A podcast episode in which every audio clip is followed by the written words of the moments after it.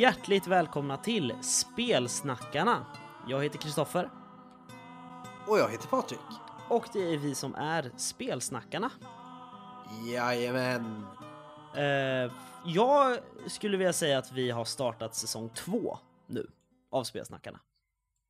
Mm, ja, lite så. Avsnitt 101, det är säsong två.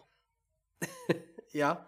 Har vi någonsin haft säsonger överhuvudtaget? Funderar jag på. Jag tror att vi gjorde ett avsnitt för ganska länge sedan som hette Spelsnackarna 2.0 av någon anledning. Det var för att vi hade typ, då hade vi startat med det här med segment eller något sånt där, att vi pratar om olika saker på olika tidpunkter. Ja, var, var inte det också när vi sa det här att vi skulle köra varannat avsnitt bara nyheter spelat sen sist och vartannat ett riktigt avsnitt? Jo, och det har vi ju inte hållit, men... men Nej. eh, Nej, men jag tänker att det här markerar liksom eh, en ny era för spelsnackarna. Det här är, det här är avsnitt, eller avsnitt ett på säsong två, helt enkelt. Hmm. Det är lite så här, det var en väldigt lång första säsong, typ som Rederiet va? Var inte det så här 200 avsnitt per säsong? Ja, men det var det verkligen indelat i säsonger på det sättet? Alltså det var det ju, men det var ju så här, kom ju 30 avsnitt, sen var det uppehåll i några veckor och sen fortsatte en massa avsnitt. Exakt. ja, men jag tror faktiskt det var säsonger. Jo, det var 20 säsonger av Rederiet. Skitsamma. Det var bra i alla fall. Man, det, om man tycker McKayen är en lång DVD-box så köp för fan inte Rederiet och tror ni ska hinna se igenom hela den. Nej, nej men så att det var ju, det var en lång, det var bara en lång första säsong, det var det jag ville markera, precis som spelsnackarna. Ehm, ja, nu är vi här, det här är ingen livesändning och eh, det, det är inte heller någon som uh, live-lyssnar, vilket är spännande. Ja, det, det är en bot som lyssnar för att vi har sagt åt den. Ja, precis. Vet du, jag kom på förut, för att, för att vi, vi använder ju en, en bot som heter Craig i Discord, där vi, eh, där vi, eh, vad heter det, backuppar vårt ljud. Men, men han brukar alltid säga så här now recording. Men jag kom på att den här kanalen har ju vi öppnat för att folk som inte är du och jag ska kunna gå in. Men de ska inte kunna säga någonting. Så därför kan inte botten heller säga någonting. Nej, jag vet, han är mutad. Vilket var väldigt spännande. Jag tänkte inte på det, jag kom på det nu. Ja, coolt. Eh, ja, cool. Vi ska snacka rollspel idag ju. Men vi ska Ja. börja med nyheter. Ja, vad konstigt att vi ska prata rollspel. Det har jag aldrig gjort förut. Nej, precis. Idag ska vi vara mer eh, specifika kring vilket rollspel vi ska prata om. Vi ska ju faktiskt eh, recensera lite, bläddra lite i böcker och, och nu ska vi ju recensera efter att vi har spelat. Det är ju inte så ofta vi gör det. Nej. Vi gör, vi gör liksom typ Mindys första intrycket fast tråkigt för vi visar inte upp vad det är vi ger ett första intrycket av. Nej, precis. Vi bara berättar. "Ja, Jag läste en bok, den verkar cool. Precis. Ja, det här verkar häftigt. Ja. Men nyheterna först tar du. Ja, Som vanligt, som man ska. Eh, Du kan få börja om du vill. Alltså jag har ju inte hängt med. Det har hänt eh, mycket grejer i veckan. Sjuka barn och skit. Men Syborg kom på Kickstarter den 13 november. Ja. Alltså Mörkborg fast cyberpunk. Ja, eh, och jag får, jag får bara flika in här då att jag har ju fått sitta med skämskudde på lite. För att vi har ju glömt Syborg, alltså, eh, eller Syborg kanske man säger bara. Uh, vi har ju glömt att snacka om det fast det har varit offentliggjort ganska länge. Eh, så vad jag gjorde när jag insåg att vi hade missat det, det var att jag skrev till Pelle som har gjort uh, Mörkborg. Skrev så här, förlåt, vi har missat det här. För att både Mor- Mörkborgs Facebook-sida och eh, Fria Ligans Facebook har de delat liksom, ja nu kommer Syborg, det är en eh, uppföljare till Mörkborg. Så jag var såhär, jag läste ingenting utan jag bara bad om ursäkt till Pelle för att jag hade missat det. Och han bara, alltså det är inte jag som gör det, det, det här är ju liksom en tredjepartsutgivning ja, jag vet. också. Bara det att här, nu är det ett helt spel. De andra grejerna har varit liksom äventyr eller, eller liksom supplement. Nu kommer ju ett helt eget spel här. Det är därför man slår på stora trumman. Men Johan Nor är väl delaktig i Syborg? Har för mig. Ja. Och Fria Ligan kommer distribuera det. Precis som Mörkborg. Ja, för det är ju efter deras den här tredjepartsutgivningen som jag har förstått det. Ja, precis. Eh, får vi lite smakprov på den mer eh, ordentligt eller vad man ska säga för att de andra prylarna har ju mest... Mm. Ja. Jag är lite ledsen på fria ligan annars just nu. Vadå då? Nej men eh, det var några som gjorde och släppte ett poddavsnitt. De första som släppte någon intervju med någon om att de förvärvar Drakar och Demoner. Tyst från fria ligan, tyst från fria ligan. Oh, kolla lite intervjuer, vi delar det här. Oh, någon som intervjuat oss om Drakar och Demoner, vi delar det här. De har fortfarande inte delat vårat poddavsnitt fast vi var först. Vet du varför? För att de inte gillar oss. Nej, nej, nej. Det är klart de gillar oss. Det gör väl alla. Eh, förutom vissa, men eh, de flesta. Eh, nej, det är för att vi var för snabba. Ja. De hann inte ens själva fatta att de skulle göra Drakar och Demoner innan vi snackade om det. Precis, vi gav Thomas ett manus bara. Säg det här, säg att ni ska Exakt. ha köpt Drakar och Demoner. Exakt. Eh, nej men, men eh, eh, Syborg, häftigt för att, för att jag gillar ju Mörkborg av ganska många skäl. Det har vi, vi har pratat om det här spelet så många gånger. Men jag gillar ju också cyberpunk lite grann. Jag har inte utforskat det så mycket. Um, så jag har egentligen ingen bra koll på det. Men eh, jag gillar idén med cyberpunk. Mm. Nu, jag kommer inte ihåg adressen, men man kan hitta den via Fria Ligans Facebook eller deras hemsida. Så finns det ju en egen sida med en mer information om Blade Runner-rollspelet nu. Ja, just ska det. göra. Just det. Ja, jag tror det är bladerunnerrpg.com. Ja, jag tror det, men jag kommer inte ihåg. Men för det är ju någonstans det man tänker när man säger cyberpunk. Ja, Eller många, så här att ja, men det är ju Blade Runner. Eller även om man inte vet att det är Blade Runner, det är det jag ser framför mig så fort någon säger cyberpunk. okej. eh, Neuromancer och eh, eh, Blade Runner. Men Mm. det här blir annorlunda. Fast det blir cyberpunk. Jag tror det kan bli bra, Cyborg. Ja, alltså grejen är att vad jag har sett från de här bilderna man har delat av Cyborg så det är väldigt mycket så här.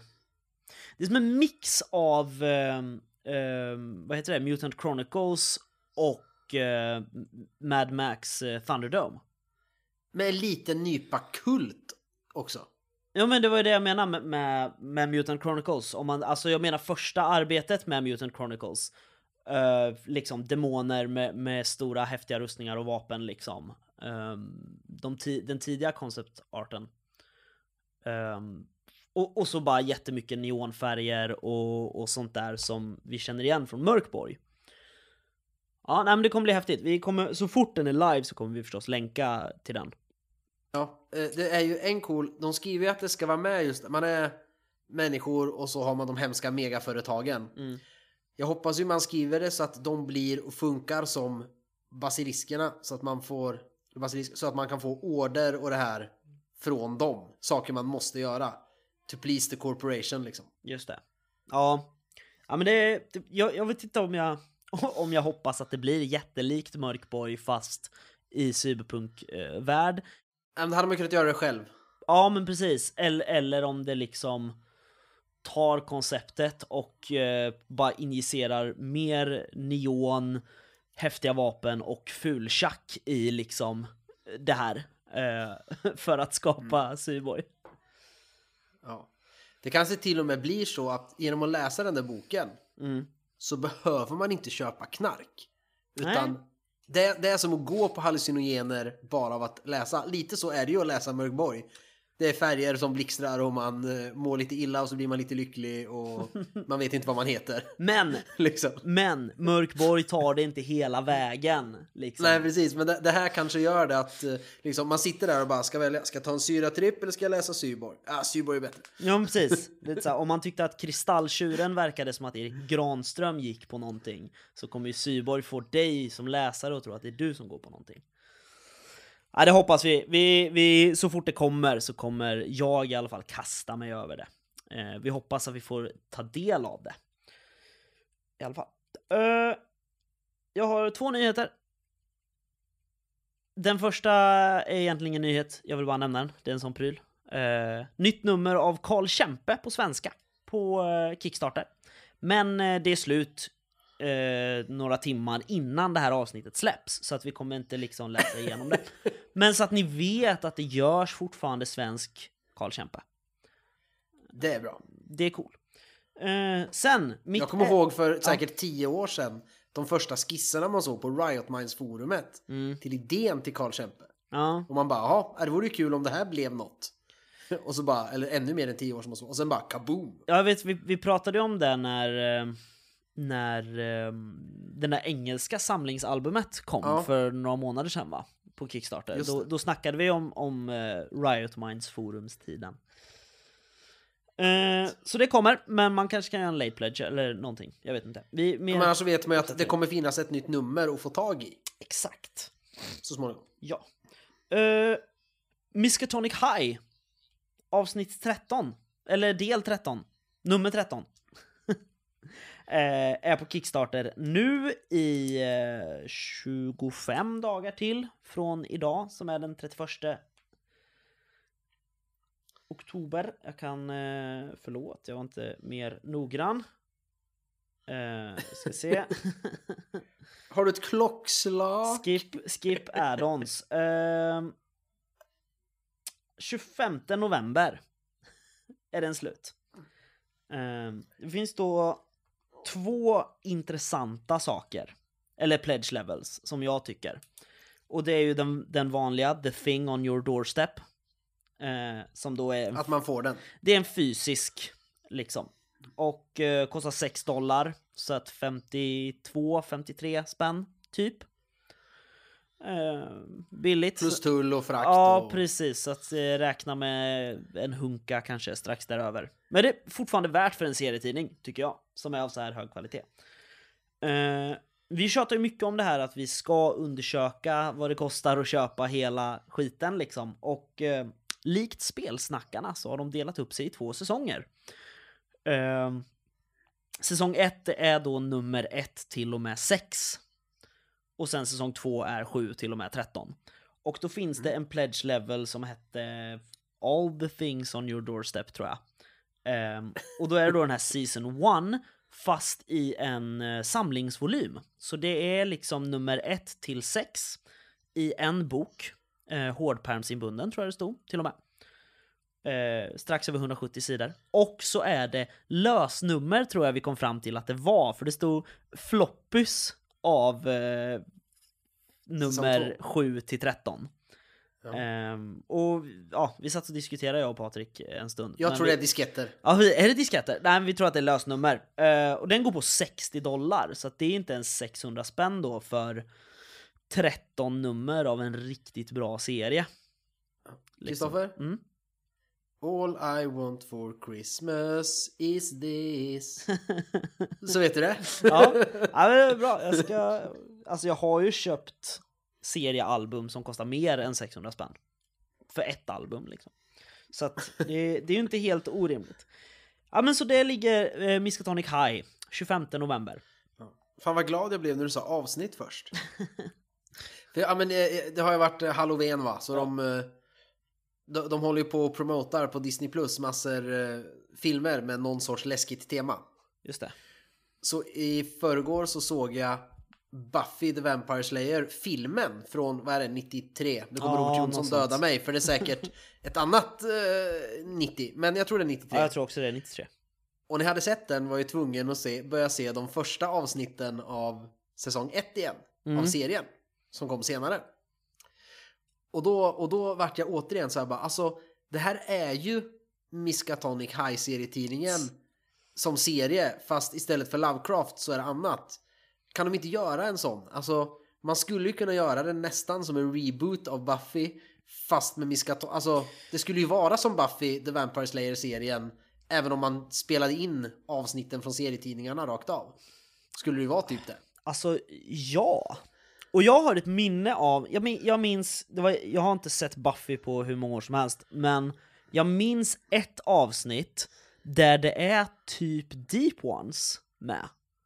Ja, typ simlaget eh, Eller hur? får något häftigt knark i bastun av sin simcoach och blir typ något deep one som bor i n- De simmar jättebra och sen förvandlas de och då får de bo där nere i avloppen och så får de mat.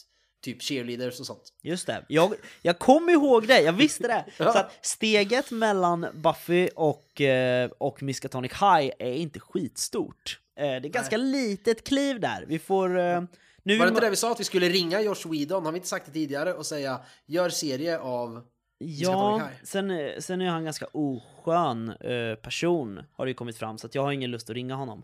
Eh, och eftersom vi båda är besserwissers, Patrik, han heter Joss Whedon och inte Josh. Joss heter han. Jag vet. Eh, men Miskatonic High, alltså varför har det inte hänt än? Med alla vi ringer Colin? Nutley istället och så får Robert Jonsson vara konsult. Nej usch, jag gillar inte Colin Nutley heller. Ja, vi måste ju välja någon. Lasse Hallström. ja. Skitsamma. Det blir bra. Det skiter i det. Eh, Men coolt. Ja, häftigt. Eh, sen så tror jag att vi kom fram till att vi inte har några fler nyheter. Nej. Förutom att sagospelet Skräcks Kickstarter är avslutad. Det gick jättebra, vi får några stretch goals. Ja. Eh, upp, mer uppdatering om det senare. Precis. Eh, har du spelat något sen vi pratade sist då, Patrik? Det har jag. Gött. Jag har spelat eh, sagospelet Äventyr Kul. med Alva och Lea. Ja, det var kul. Jag fick vara spelare den här gången också. Ja. Det är alltid spännande. Eh, Och sen så har jag ju avslutat ditt westernäventyr för en handfull marker Yes, stämmer. med dig, Josefin, Mikael och Mattias. Och det var kul. Det, det, Eh. det var det. Ja, vi kommer prata mer om det snart. Ja, det kommer vi absolut Eh. göra. Vad har du spelat sen sist? Eh, ja, vad har jag spelat sen sist? Ehm, jag har spelat... Jag har spelat ett västern. Det kommer vi prata mer om sen. Ehm, sen har jag spelat ehm, Dungeon World, faktiskt. Med eh, bror Mattias. Testat lite. Det är ju, vi ligger ju upp starten för att dra igång med våra eh, juläventyr i spelargruppen.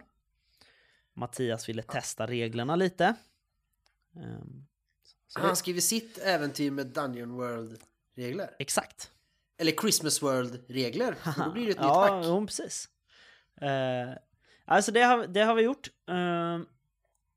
S- sen tror jag fan inte jag har spelat något mer alltså. Oj, vad lite för att vara du. Ja... eh, nej! Jag jo, jag har spelat Snösaga ju. Jag glömde Snösaga. Fan också. Eh, vet du varför jag glömde Snösaga? Nej. För att vi är i den sämsta jävla delen av hela kampanjen. Oh no, you are prisoners! Ja, precis. Vi är ju tillfångatagna av, av eh, knarkarna. Och ehm, gre grejen är liksom att det är så här. Jag förstår att det är svårt att spelleda den prylen och göra det spännande. Liksom. Jag Men, försökte ju och det slutade med att bara, nej, jag kan inte spela det ett år. Det får ta ett spelmöte. Det får ta en och en halv timme för det är ingen idé. nej, alltså, och, och, och det är så här. Det mesta är ju skrivet, ja nu kommer den här personen och säger så här och sen kommer den här personen och gör det här. Och sen händer det här. Och det, det blir mer liksom en... en Ja, fast det är eh, 12 veckor emellan varje grej liksom. Ja, och jag var så här. Ja, eh, jag vet inte. Ska man hoppa över hela skiten? Eller ska man rollspela hopplösheten ännu mer? Ska vi lägga fyra spelmöten på att vi går runt och är slavar? Liksom. Är det bättre än att bara läsa i princip eller sammanfatta vad som händer? Eller är det bättre att bara hoppa över skiten? Ehm, Alltså det är, det, det är ju en häftig storygrej. Det hade gjort sig bra i bokform liksom. Eh, och beskriva lite. Men annars så tror jag, med ett annat regelsystem. Hade man tagit något indiespel som verkligen fokuserar på och har regler för det där. Med din ångest och dina problem. Då hade det kunnat bli ganska coolt och ägna lite tid åt den episoden. Men som det är spelat, som det är skrivet och tänkt att spelas tror jag. Och med reglerna som, som hör till på något sätt så nej, det blir bara skittråkigt. Ja, sen har jag ändå, alltså jag har ju laddat upp för att min karaktär ska, ska reagera och eh, påverkas på ett visst sätt av hela, eller alla de här händelserna liksom. Ja. Ehm, så att det är väl bara att alla måste på något sätt, jag tror att den här delen behöver man ha ett litet snack om i spelgruppen liksom. Hur ska vi göra det här? Vill ni spela allting eller ska jag sammanfatta veckorna? Liksom. Ja. Eh. Man kanske spelar första delen Liksom vad som händer. Och sen efter det spelmötet, man avslutar det en halvtimme tidigare och sen okej, nu är det så här. Den här episoden med att ni är på den här platsen i den här situationen. Den bedömer jag kommer pågå så här länge.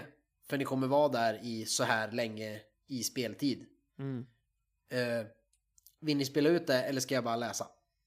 Ja, men precis. Eh, Men man kör inledningen först liksom. Ja.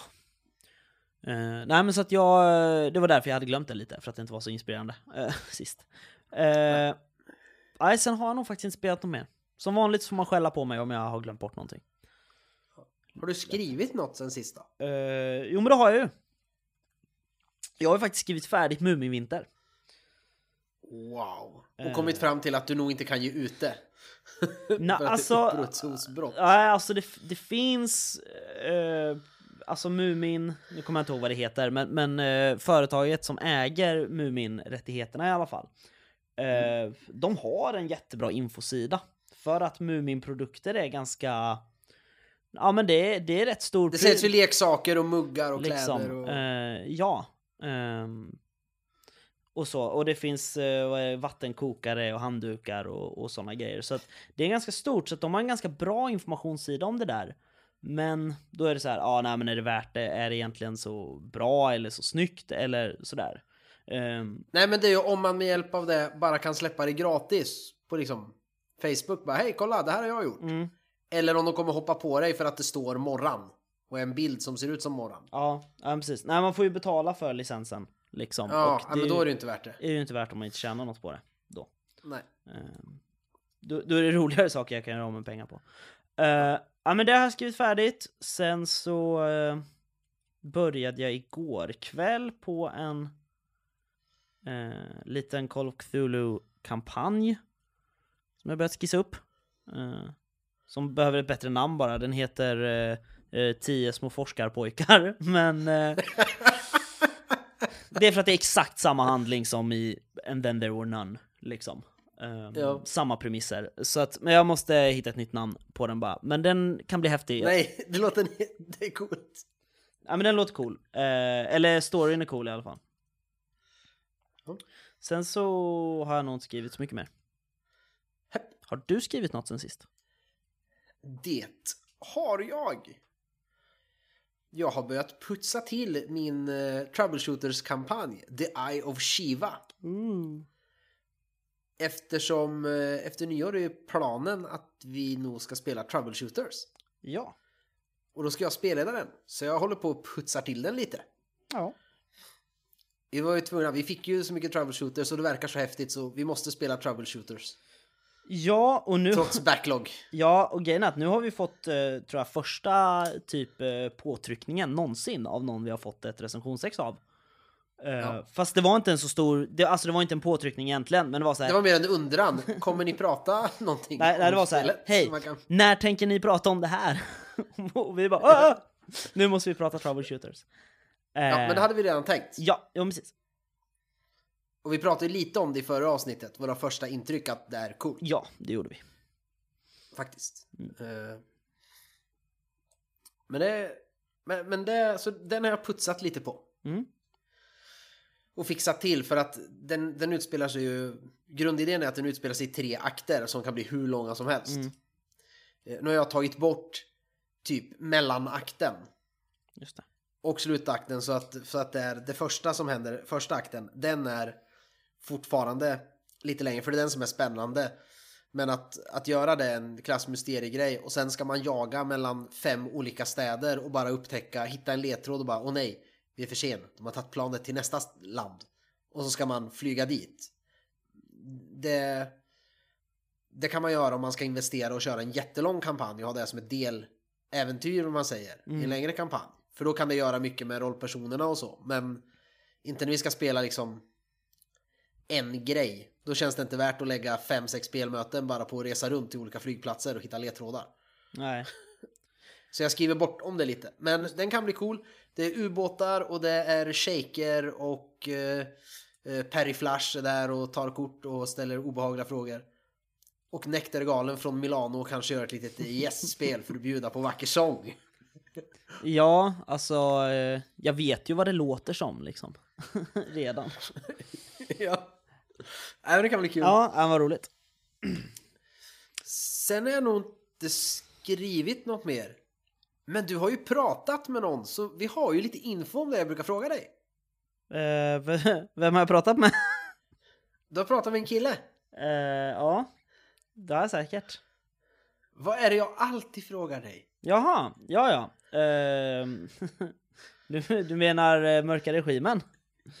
Ja. Ja, precis. Nej, men vi, eh, vi eh, har fått eh, veta hur det går helt enkelt.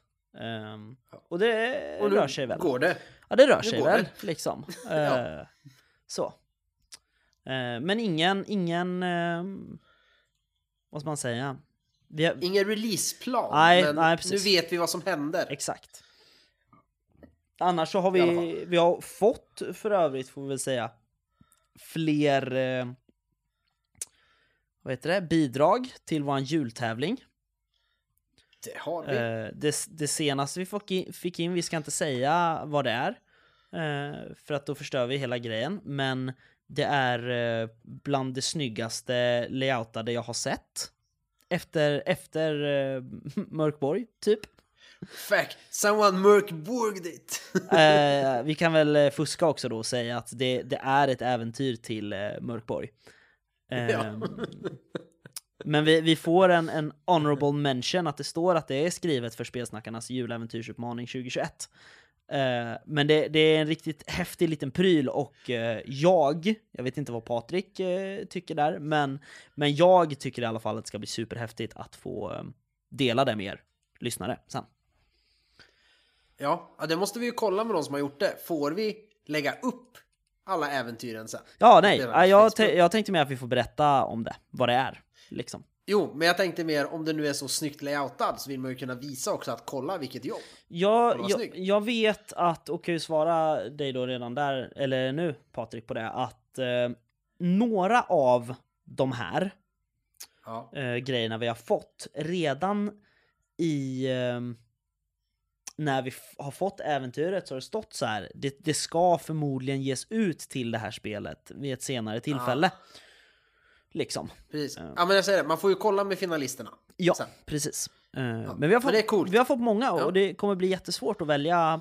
Nu har vi ju fyra sponsorer. Ju. Mm. Eh, Robert Jonsson och Mylingspel bara glider in och säger att vi backar det här. Vi kommer ge er eh, stöd. Fuck, jag måste skriva några ord i det här julscenariot du har börjat skriva. Eh, Så det också kan vara med i våran egen tävling så att vi kan vinna. Så vi- tar ja, vi har aldrig sagt att vi inte får med själva. Nej då. Nej men jag, det där, grejen att det där äventyret skrev ju jag när jag eh, trodde att vi skulle skriva egna juläventyr fortfarande. ja, Ehm, så att eh, vi kommer nog inte spela det, inte i år i alla fall. Nej, vi ut det istället. Ja. Yes. Men ja, nu var skrivit. Nu ska vi gå över på nästa del, men jag ska göra en liten grej emellan bara. Jag ska tipsa om eh, en bra pryl först. På eh, rollspel.nu så finns det en användare som nickar eh, Meta-Larsson. Han har en asskön YouTube-spellista som heter Larsson recenserar. Och där finns det en serie klipp som heter Larsson recens- recenserar västernrelaterat. Och eh, vad vill jag säga med det här då? Jo, jag vill tipsa om att Larsson recenserar ett toppenkomplement till det här avsnittet av Spelsnackarna. Eftersom eh, Larsson i det här fallet eh, tittar på eh, prylar som har getts ut till västen av Åskfågeln. Och vi ska ju då snacka om västen av Åskfågeln. Utgåva 4 va? Eller version 4? Är det? Ja, jag skulle väl säga fjärde utgåvan. Eh, Ja, precis. Denna mastodont. Alltså jävlar! Vad mycket det är. Ja, nu ser inte lyssnarna att du håller Nej, men jag bara ställer dem upp för min egen skull. Ehm, Ja. För jag kommer ihåg att det var ju det här vi pratade med eh, Anton Wanström på Helmgast om. Att, eh, Mm. att eh, han sa att Sylfens vrede är det största samtida släppet i eh, svenska rollspel, liksom. Flest sidantal. Eh, Ja. Men han, han trodde att västern antingen låg lika eller kom på andra plats, tror jag. Jag har inte räknat sidorna för att jag har faktiskt inte koll på vilka äventyr till västern som släpptes samtidigt som grundböckerna. Om den släpptes något. Ja, exakt. För att det, det är lite otydligt det där och eh, den... Vi måste ringa Anders och fråga. Mm, för, de, för den Funded by Me tror jag det var de körde västern med. Eh, Ja.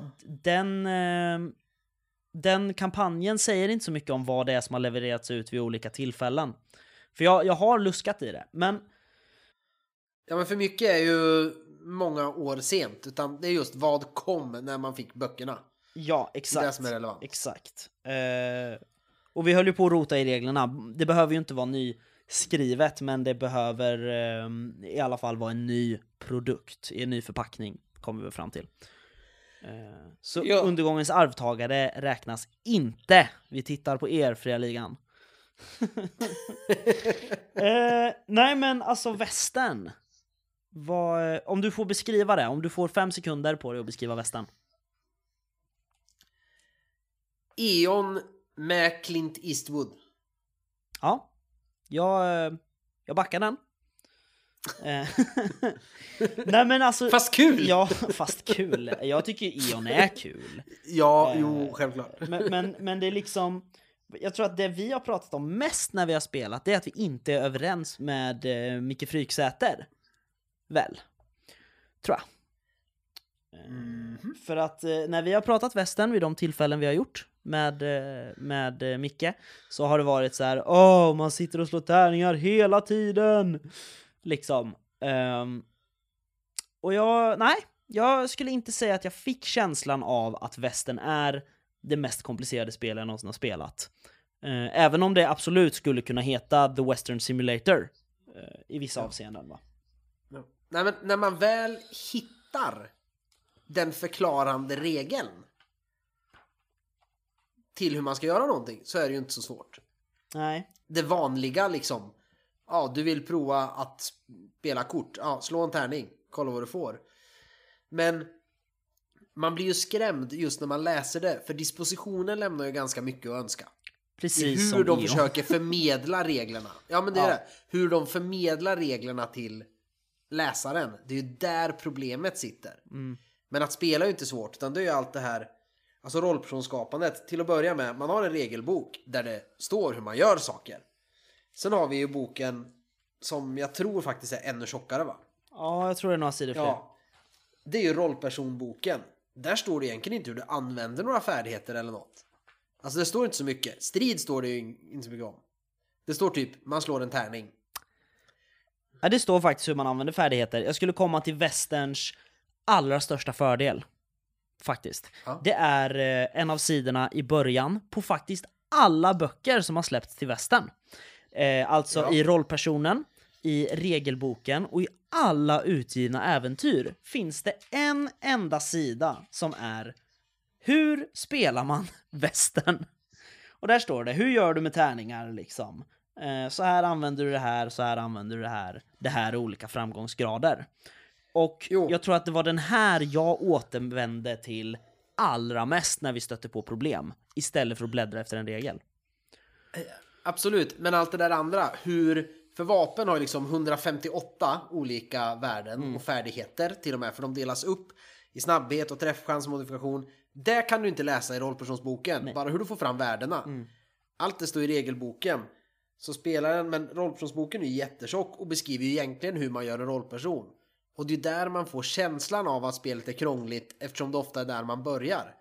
För om man faktiskt skapar en rollperson istället för att bara sno där de är så här, förslag på utbildning så tar ju det tid och det är en miljard tabeller.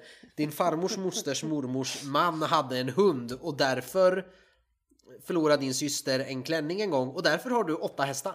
Ja, och, och det där är ju inte ens en överdrift.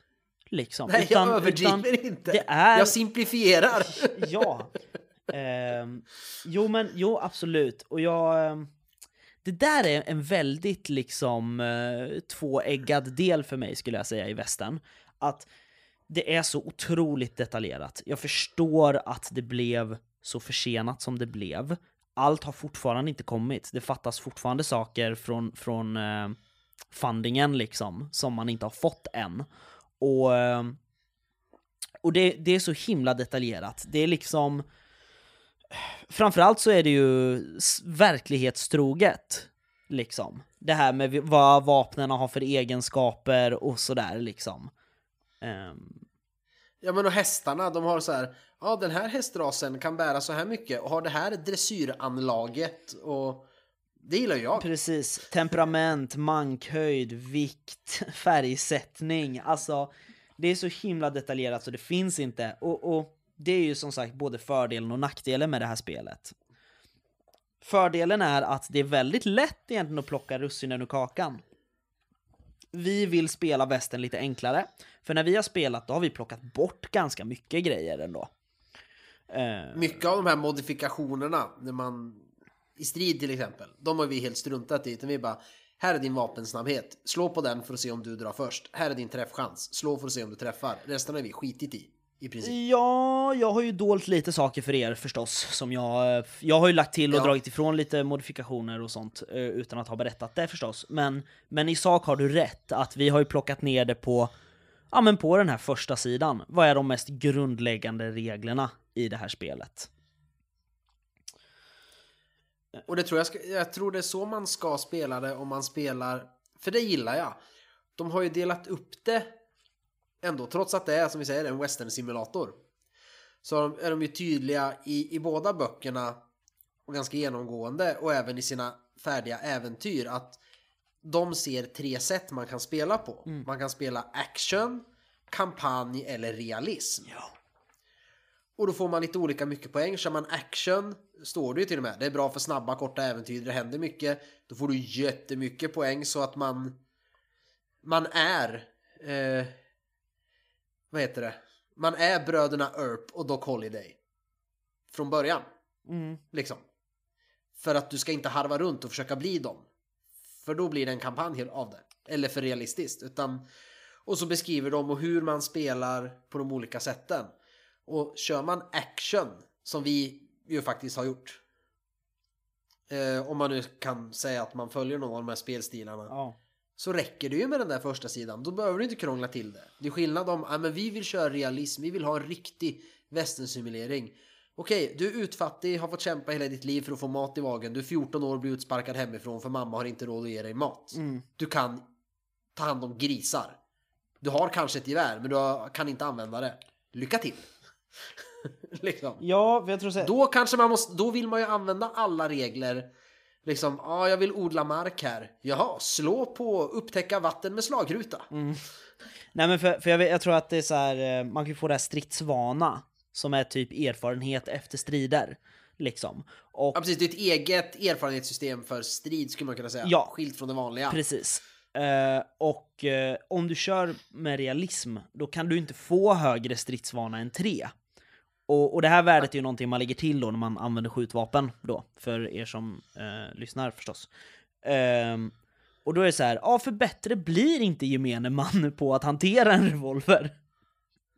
Nej. Liksom. Och jag, ty- jag tycker på något sätt att det är... Eh, ja, men jag tycker det är härligt. Jag, jag, eh, jag ser att alla kan hitta ett sätt att spela västern på så att det blir exakt den mängd liksom svårighet, eller vad man säger, som man vill ha. Ja. Och det är väl också ett av spelens första för, eh, eller en av spelens största fördelar. ja. Jag har ju helt ändrat uppfattning om västern sen vi spelade. Jag satt ju länge och ville konvertera typ Nordiska väsenreglerna eller ja, år 0 motorn till något western. För bara, ja ah, men det är så krångligt och svårt det här. Vi, vi vill ju bara vara lite cowboy liksom. Men nu när jag faktiskt har spelat det och insett just att ja men det här är ju grundessensen. Och läser man de här förslagen som finns på alla yrken eller sådär, då kan du fylla i alla värden du behöver i princip. Ja. eh, och skita i den här bakgrunden, hitta på en bara. Eh, istället. Och då blir det istället att nej, jag skulle inte vilja använda något annat spel för att spela western. Just för att det finns så mycket information och just det här, allt som är bra och dåligt med olika vapen. Det står ju där i regeltermer, hur ska jag överföra det? Och det här med alla riddjur eh, och färdigheterna som finns jättemånga och så är de specialiserade på hundra sätt. Hantverk till exempel, det finns ju hur många som helst. Mm. Så att nej, även om man kan säga att ja, men setting, man kan ju ta vilket spel som helst. Ja, men jag vill säga, ska man spela västern ska man spela med västern. För att allting finns där och ska du konvertera om det och få det lika bra så tar det jättelång tid. Ja, och gillar man inte T20-system eh, spela, jag vet inte, spela E.ON då, då liksom och, och bara byta namn på färdigheter. Alltså... Ja, så kan man lika gärna ta ett jättebra regelsystem. typ BP. Alltså grejen är väl att, att E.ON och eh, påminner ganska mycket om varandra skulle jag säga. Eh, det är det här, framförallt det här med eh, obegränsade tärningsslag. För så är det ju i västern också. Varje 20 du slår eh, exploderar ju. Liksom. Men det, det är ju liksom, alltså är man rädd för att, för att vi har... De gånger vi har pratat om västern här, det är ju just när Micke Fryksäter har varit med. Och då har han så här, åh jag hatar västern, det är så krångligt. Eh, men liksom, det är så här, åh, slå en 20-sidig tärning, få högt. Det, alltså... Lägg, ja, lägg till dina värden. Ja, alltså och det, det svårare än så är det liksom inte. Och... Eh, om man inte vill att det ska vara svårare än så, för då kan det finnas massor komplikationer och det finns ganska bra på spelledarskärmen. Det, det är också eh, det enda bra med spelledarskärmen faktiskt. Eh, för det, nej, men den är, den är verkligen inte alls bra. Den är typisk så här drakar och demoner. Är den i, är den, är den i tunn papp? Ja men den liksom? är flimsy och så liksom på, nu, nu visar jag Patrik här för vi har videochatt här. På utsidan så är det liksom också en massa tabeller för effekter och svårighetsgrader för spelarna att titta på. Liksom. Fast det är ju ganska bra, då ser ju de det. Ja, fast det är ju så här, jag, det är väl jag som äger storyn tycker jag liksom. Varför ska, varför ska ja. de veta liksom eh, hur lång tid någonting tar eller vad som händer ja. i en situationsfärdighet. Ja, det, är det, är skillnad, det, det, är skillnad i Snösaga-skärmen när man har information spelarna på utsidan. För där är det ju porträtt på viktiga spelledarpersoner i storyn. Ja. ja här, på västern så finns ju också den här lathund för att skapa en rollperson. Eh, utan sidhänvisningar. Och eh, det står bara de här stegen liksom. Välj nivå. Eh, välj eller slå fram ditt förflutna. Ja, var gör jag det liksom? Och det är så här, ja, vem, nej, vem man... sätter sig vid spelbordet framför spelledarskärmen utan att ha gjort sin rollperson? Så jag tycker att det, det är så här, ja. ja. den är lite... Framförallt till västern, till, till Mörkborg eller för all del, för min del, Drakar och Demoner. Eh, 87 skulle jag ju kunna göra en rollperson medans ni plockar fram chipsen. Ja, Nej, men, liksom. Men, men liksom, ja, men det, och det finns ju mängder av spel som är liksom hur smidiga som helst. Ja, men också. inte western. Inte western, så att det är liksom... Jag tycker det är en, det är en, det är en dum spelledarskärm, helt enkelt. Jag... Men du sa att något var bra med den, det var det du skulle komma till. Ja, eh, en sak ja. som var bra. Svårighetsgrader och modifikationer finns. Ja. Eh, det är liksom... Eh, ja, svårighetsgrader, första hjälpen då, vad man får för mod beroende på hur allvarlig skadan är, eh, vad du har för hjälpmedel, sådana saker liksom. Uh, och det är typ det enda. Men sånt är ju som sagt då på sidan som hamnar utåt mot spelarna. Så att jag kan ju inte, ja, jag kan ju inte se modifikationerna. Uh, och det tänker jag för att de här vill ju jag använda för att få idéer och uppslag. Liksom.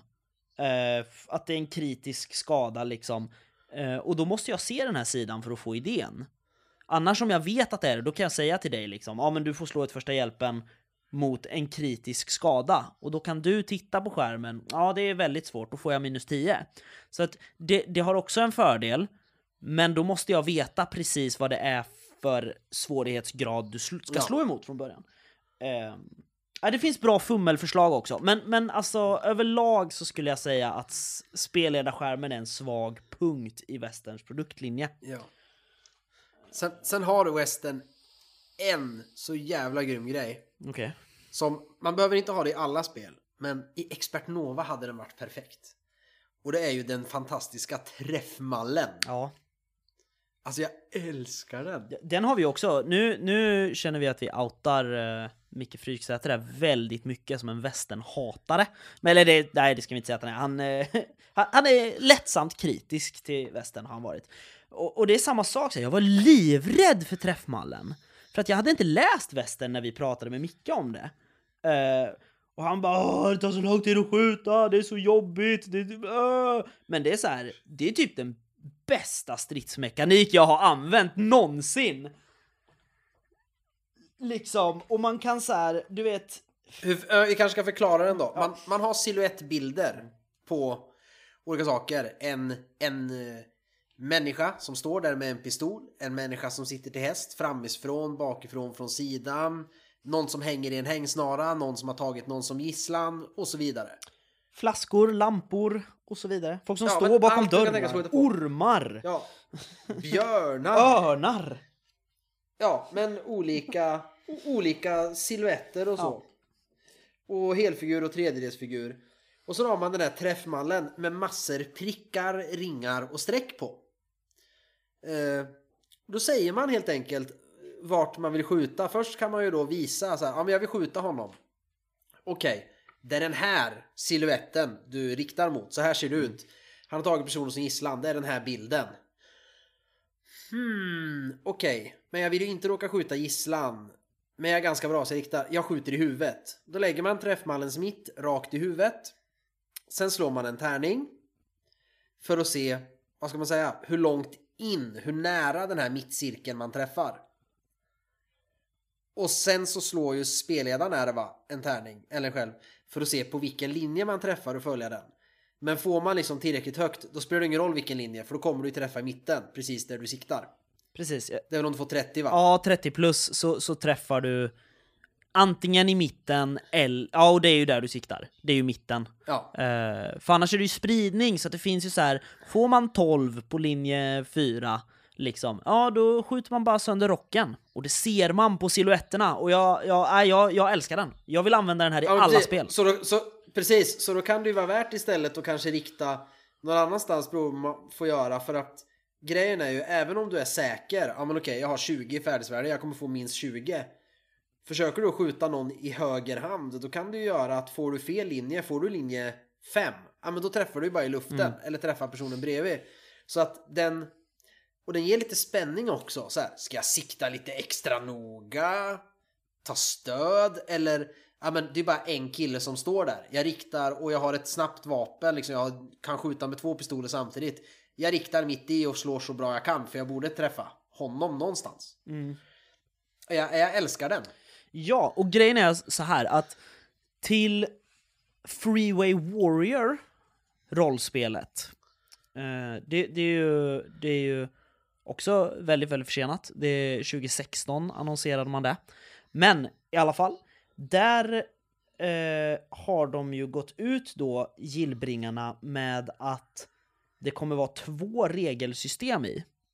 Dels kommer det då följa ensamma vargen-stuket, att ta med regelsystemet från spelböckerna, som ett väldigt lätt spelsystem. Eh, tråkigt om man ska spela långa kampanjer till och med.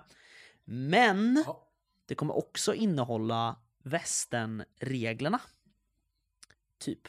Ehm, så jag tror att det, det står Use of the crosshair in combat. Och det kommer ju vara träfftabellen. Eller träffmallen, hoppas jag. Ja men coolt. Ja men i västern så har den ju verkligen ett syfte. Den är ju cool. Däremot, även om det, jag skulle inte vilja spela MUTANT och noll. Med träffmallen. Varför inte? Ja men, för det tar tid, sabbar tempot, grundidén med hur man man jobbar och det är inte den typen av spel upplever jag där det är det jag vill uppleva som är viktigt.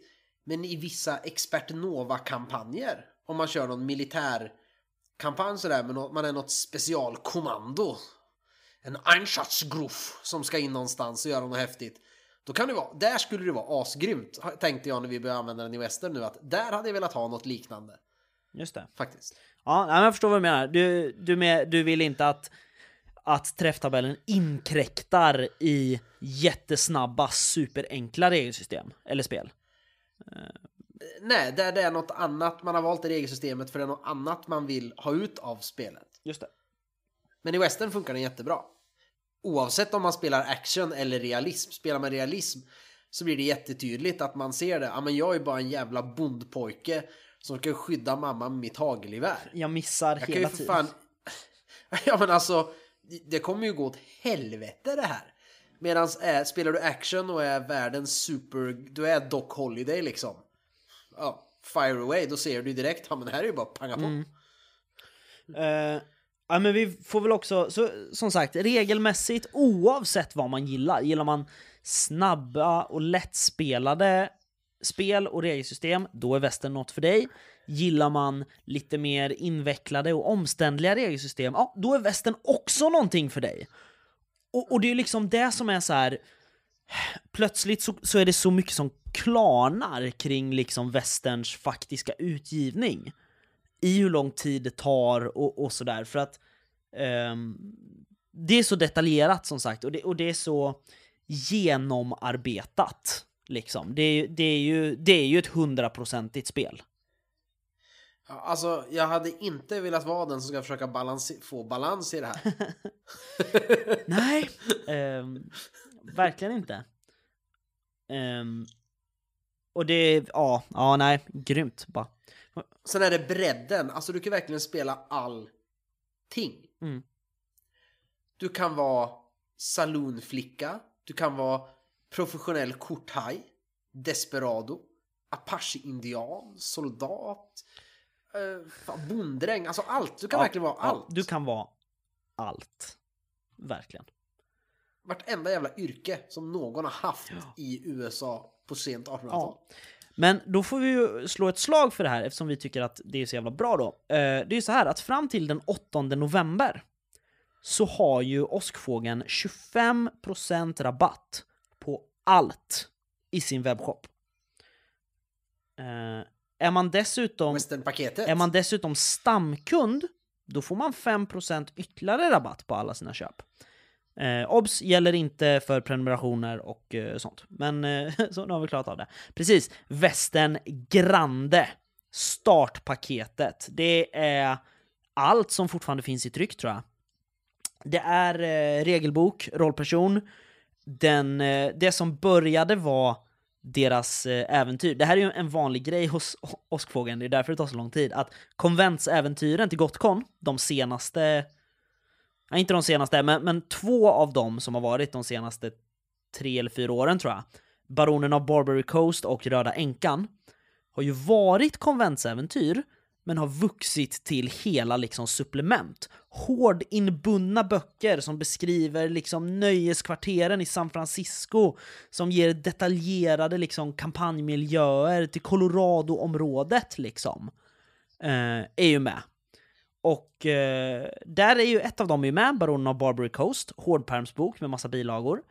Spelledarskärmen, den behövs ju inte egentligen då. då. Eh, eh, äventyren 1000 dollar för El Tuerto, Slaget om Maiden Rock och Eld i berget. Eh, det ligger på 1500 utanför den här rean, men det hamnar på 1200 spänn med frakt. Och det är ju ett Bauta-paket. Det här är paketet jag köpte för länge sedan. Då betalade jag fullpris för det. Och jag tyckte att det var värt det. Så är man sugen på västern, bara köp. Kan man väl säga. Ja. Eh, Men, men det är ju det vi pratar med. Ja, man kan spela enkelt om man vill. Plocka bort specialregler och bara slå en T20, slå högt. Eller köra med alla regler hur man vill. Men fortfarande, oavsett om man ska spela enkelt eller inte. Sluta inte läsa. Fortsätt läs hela boken.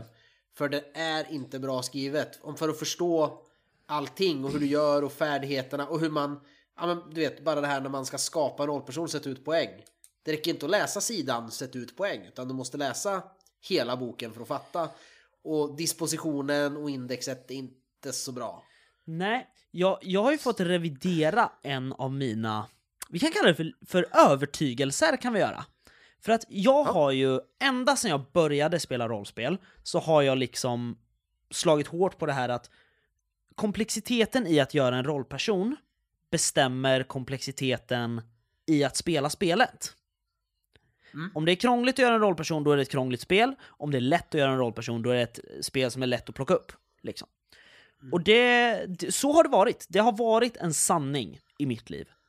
Tills jag plockade upp Västern 4. Det tog mig tre... Jag säger för Ion så vart det motbevisat för mig ja, också. Ion var lite så. Men ännu mer i västern. Västern tog mig tre Håller. dagar att göra en rollperson i. Och det handlar egentligen inte om, mycket slå på de här tabellerna, men det är just att man hittar inte, och likadant i regelboken, att hitta en regel. Ja, För den beskrivs nej. på tre olika platser innan man hittar att på femte platsen som var dold i en annan, där var just den delen av regeln du vill ha svar på. Ja. Om det finns en driven västernspelare här ute eh, som vill göra en sån eh, referens, referensblad som vi hittade till Ion, liksom, eh, gör det, för då förgyller du nog alla nya västernspelares liv. Ja, Men så, vi, har inte, vi har inte tittat på dem så här, eh, vad heter det, på supplementen nu ju. Alltså vi har väl läst dem, för du har Baronen av Barbary Coast ju. Eller hur? ja och sen har jag alla spelade personer och det som ramlar ur eh, alla böcker. Ja, precis. För det är, med, det är ju som vi snackade om när vi pratade ensam av vargen äventyren ju, att det trillar ju ut så här ark med kort, liksom, med personer. Och referensark och grejer. Men, men, men liksom, vi har, vi har inte läst supplementen inför idag, utan vi har ju spelat ett äventyr som jag har skrivit. Liksom. Eh, men det är väl ändå, kan man väl ändå säga att det är fortfarande grymma produkter alltihop. Ja. Sen en annan grej. Jag vet faktiskt inte vilka andra westernspel det finns. Alltså rollspel.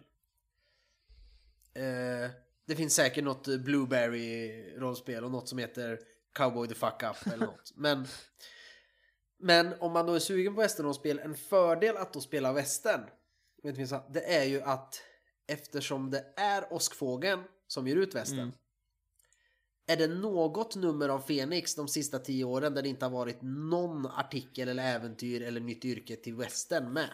Jag, jag vågar inte säga att det är helt eh, Nej. rätt. Men det är väldigt, vä- i princip i varje nummer är det ju någonting, kan det vara, här är ett nytt yrke, här är ett äventyr, här är en beskrivning av den här staden. Ja.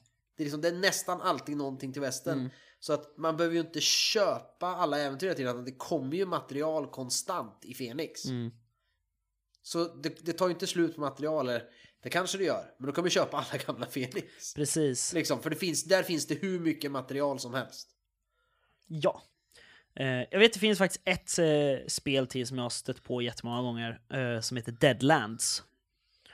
Ja. Eh, men men det, det finns någon jättehemsk metaplott där, att det är någon slags Haunted Wasteland typ, världen, hela västern. Men, så jag, jag är inte helt inne på det, men jag vet att det är ett västernspel i alla fall. Ja. Eh, Nej men det ska man säga, det är i högsta grad ett levande spel. ja, det är det ju. Eh, Mycket tack vare Fenix. ja. ehm, om vi väljer definitionen levande, det kommer Ja, produkter saker till det. Eh, Ja. Liksom. Jag vet inte hur många som spelade. Jag vet att Red Moon Roleplaying spelade 1000 dollar för El Tuerto eh, Har inte, på Gotcon. Ehm, och vad heter inte, Tärningen är kastad har vi gjort western va? kanske de har. Jag, jag säger att det kanske de har, för jag vet faktiskt inte. Ja. Jag kommer inte ihåg. Det var länge Ja, sedan. men jag vet att det, det är några. Jag tror de har spelat eh, Baronen av Barbary Coast också faktiskt. Alltså... eh, Det var ett mysigt äventyr att läsa. Ja, det är väldigt mysigt. Eller mysigt är fel ord, men Trevligt att läsa, kan vi säga. ja. Ja, eh, så vad säger vi där då? Vi rekommenderar västen varmt. Fram till 8 november så har Åskfågeln rea. Antingen passar man på då, eller så köper man det och ger dem mer pengar. Ja, Ja, har vi något mer att säga om västern? Det finns mycket att säga, men, men liksom det... Eh, jag har kommit på det. Jag tycker att det är bland det tråkigaste som finns, det är när vi sitter och går igenom så här i detalj regler och sånt. Ja. Nej men ska man om, man, om man har kommit över böckerna, lånar dem på biblioteket eller av en kompis eller faktiskt köper dem och bara vill komma igång och spela för att testa. Eller man, så här, för man vet inte om man vill investera all sin tid utan man ska testa. Gör inte en rollperson genom att slå på alla bakgrundstabeller och det kanske om det just är, ja, men vi ska testa en grej, vi ska spela ett äventyr. Utan ta de färdiga yrkena, ta dina poäng och sätt ut extra på färdigheterna, hitta på någon bakgrund och börja testa och spela så ni får grepp på reglerna och vad alla värden betyder. För då är det tusen gånger lättare att följa alla steg för att göra en rollperson sen. Ja. Och att hitta i böckerna. Tycker jag. Vi, vi hade ju faktiskt en liten blandning. Eh, Ja, det var spännande. En del hade gjort eh, väldigt detaljerat, följt alla steg i regelboken och slagit fram hela sin bakgrund. Eh, en del hade typ bara, nej men jag skiter i hela bakgrunden, jag bara tar värdena liksom, fixar dem. Ja, jag hittade ju bara på en bakgrund. Ja, och, och ehm, en del tog en, en mall från en färdig rollperson från något av ehm, något av konventsäventyren och bara typ bytte namn och petade runt lite siffror. Så att liksom, det beror helt på. Det enda vi inte använde, det var reglerna för övernaturligt. Och ödespoäng gjorde vi inget med. Jag Nej. funderar på det. Mm. För att det är ju en mekanik, det kommer ju, det finns ganska många spel som har lite liknande. Eh, Troubleshooters har ju story points och eh, det finns det olika. Men, och just att spela på karaktärsdrag, det har ju Eon och det också. Men här väljer du ju nackdelar i västen. Jag var ju halvblod till exempel, var en av mina nackdelar. Så hade jag verkligen spelat på den. Att jag blir förbannad när folk säger indian och börjar bråka och eller se till att men jag blir utkastad från den här krogen tror jag för de säger inga jävla indianer här. Och jag blir utkastad. Då, då hade jag kanske kunnat få en ödespoäng och kunna påverka saker. Men jag tyckte inte det var läge i den här lilla äventyret vi körde. Men det är en ganska trevlig mekanik tror jag. Att ha de här nackdelarna. Och, och, och samma sak med alltså både det och, och eh, det här med rykte som också finns liksom. Då finns det ju så här, Ja. vad händer när du kommer in i en stad? Och det finns jättemånga tabeller liksom, bara, ah, det kommer en lynchmobb när du kommer in i en stad för att du har det här i rykte och du har den här etniciteten. Så att liksom, det, det finns så mycket detaljer, men för action är väl det vi kan tala om främst liksom. De Ja. snabba, eh, lättfattliga reglerna. Ja, vi ville spela en westernfilm och är vi det något vi gjorde så var det det vi gjorde. Alla klichéer. Rakt av. Oh ja. Och jag tror att alla va, var väldigt sugna på att fortsätta spela västern. Eller? Ja, Jag vet inte, du så- så sa ro- inte så mycket om, om det. Jo, nej jag är jättesugen. Och, men det är det jag tror är så bra, precis som... Ja men det finns ju många genrer, men fantasy det kan betyda jätteolika saker. För olika. För du är en kille som bara har sett Sagan om ringen-filmerna. Det är fantasy för dig. Eh, men jag har läst Terry Pratchett och ingenting annat. Så det är fantasy för mig. Men är det någonting man alltid kan hitta verkligen gemensamma nämnare, då är det ju västern. Ja. Så det går ju att spela på, alltså, bara någonting. Jag vet inte, vad ungefär var femte mening är referens till någon film. Så bara, ja men jag gör som han gör i Django. Ja men nu gör jag som i gamla True Grit med John Wayne. Ja den har inte jag sett. Okej, eh, ja men de gör likadant i det nya. det är det jag gör. Ja, och sen är det så här, alltså... Det här med västernreferenser är också så brett liksom. Alltså mina främsta västernreferenser, det är ju Lucky Luke. Liksom. Det är fortfarande bra västernreferenser som jag petade in jättemycket i den här äventyret vi spelade. Medan eh, vissa andra tar eh, Django, True Grit, en del tar liksom Red Dead Redemption-spelen. Och, Ja. och liksom, det, det är en sån spridning på vilka västernreferensramar man har. Men alla passar bra ihop. För att alla västern-pusselbitar passar. Ja. Även om jag inte hängde med alla Mattias eh, och Mickes referenser från eh, Red Dead 2. Mm. Så fattar jag ju vad det var de menade när de beskrev. "Ja, Jag gör den här grejen Mm. som de gör i Red Dead 2. Och sen när de beskrev så såg jag det ändå framför mig. Men i och med att de hade referensen var det lätt att beskriva. Ja, men precis.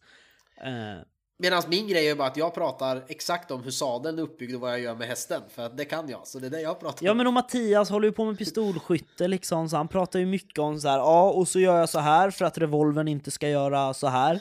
Liksom. Och, och, Ja, och, och även om vi andra inte riktigt i detalj förstår den här konstruktionen på en revolver, så ser man ändå framför sig hur liksom han, hans rollperson gör en viss handling och förbereder sig. För vi har Ja, sett det på För film! han är kompetent. ja men precis! Ja, och, vi har hört, och han säger det och har koll. Ja, liksom. så jag, jag skulle säga att vi har pratat innan om att Ur varselklotet är ett av våra favoritspel för att alla som någon gång... Där har man också ref- samma referens. Ja men precis, alla som har Ja. eh, varit barn och sen vuxit upp har referenser att förstå i varselklotet.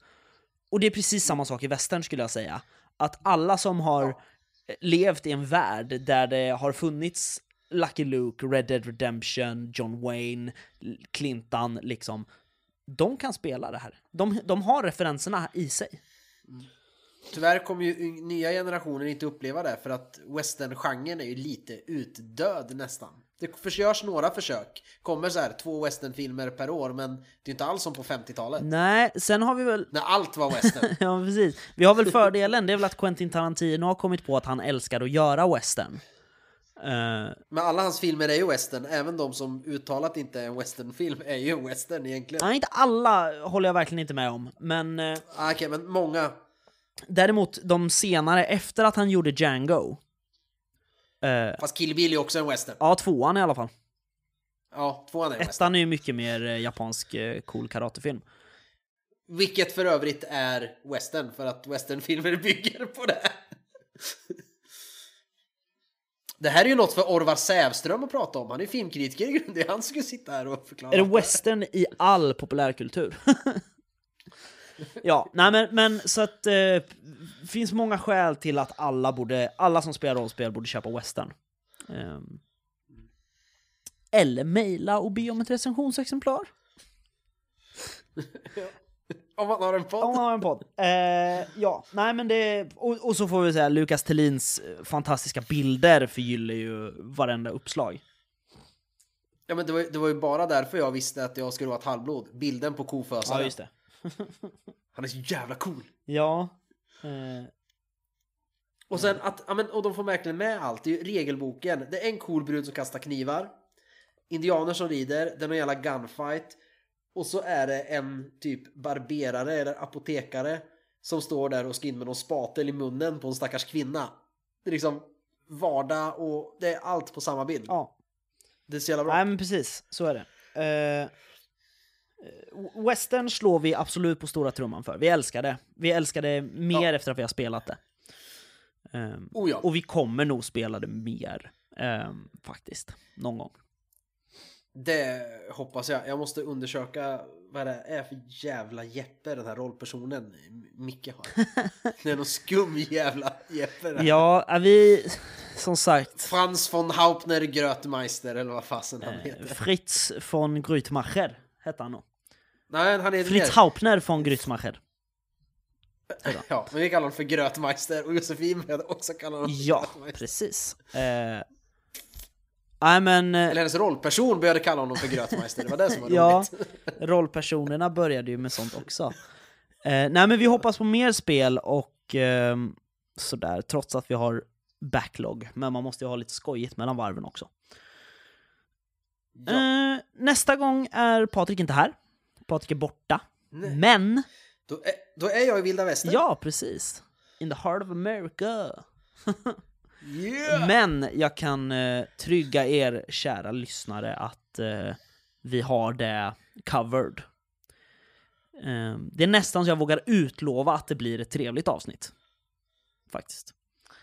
Som tar av lite av backloggen också. Ja, precis. Vi, vi tar in en expert på eh, ett område, kan vi väl säga. Ehm, för att trygga det hela. Men, eh, ja. Vill man oss eh, någonting så kan man ju mejla oss på spelsnackarna gmail.com eller gå in på Messenger och skriva till spelsnackarna eller facebook.com snedstreck spelsnackarna. Till den här mejladressen kan man ju också fortfarande mejla juläventyr som man har skrivit. Valfritt spelsystem, valfritt sätt du porträtterar julen på. Det kan vara Charles Dickens, det kan också vara Die Hard jultema, liksom. Vi bryr oss inte. Men eh, jag och lyssnarna hörs igen om två veckor och vi hörs om ganska lång tid igen, Patrik. Ja, fyra, fem veckor. Något Ja, sånt. precis. Men tack för ett trevligt snack. Tack själv. Hej då Kristoffer. Hej då Patrik.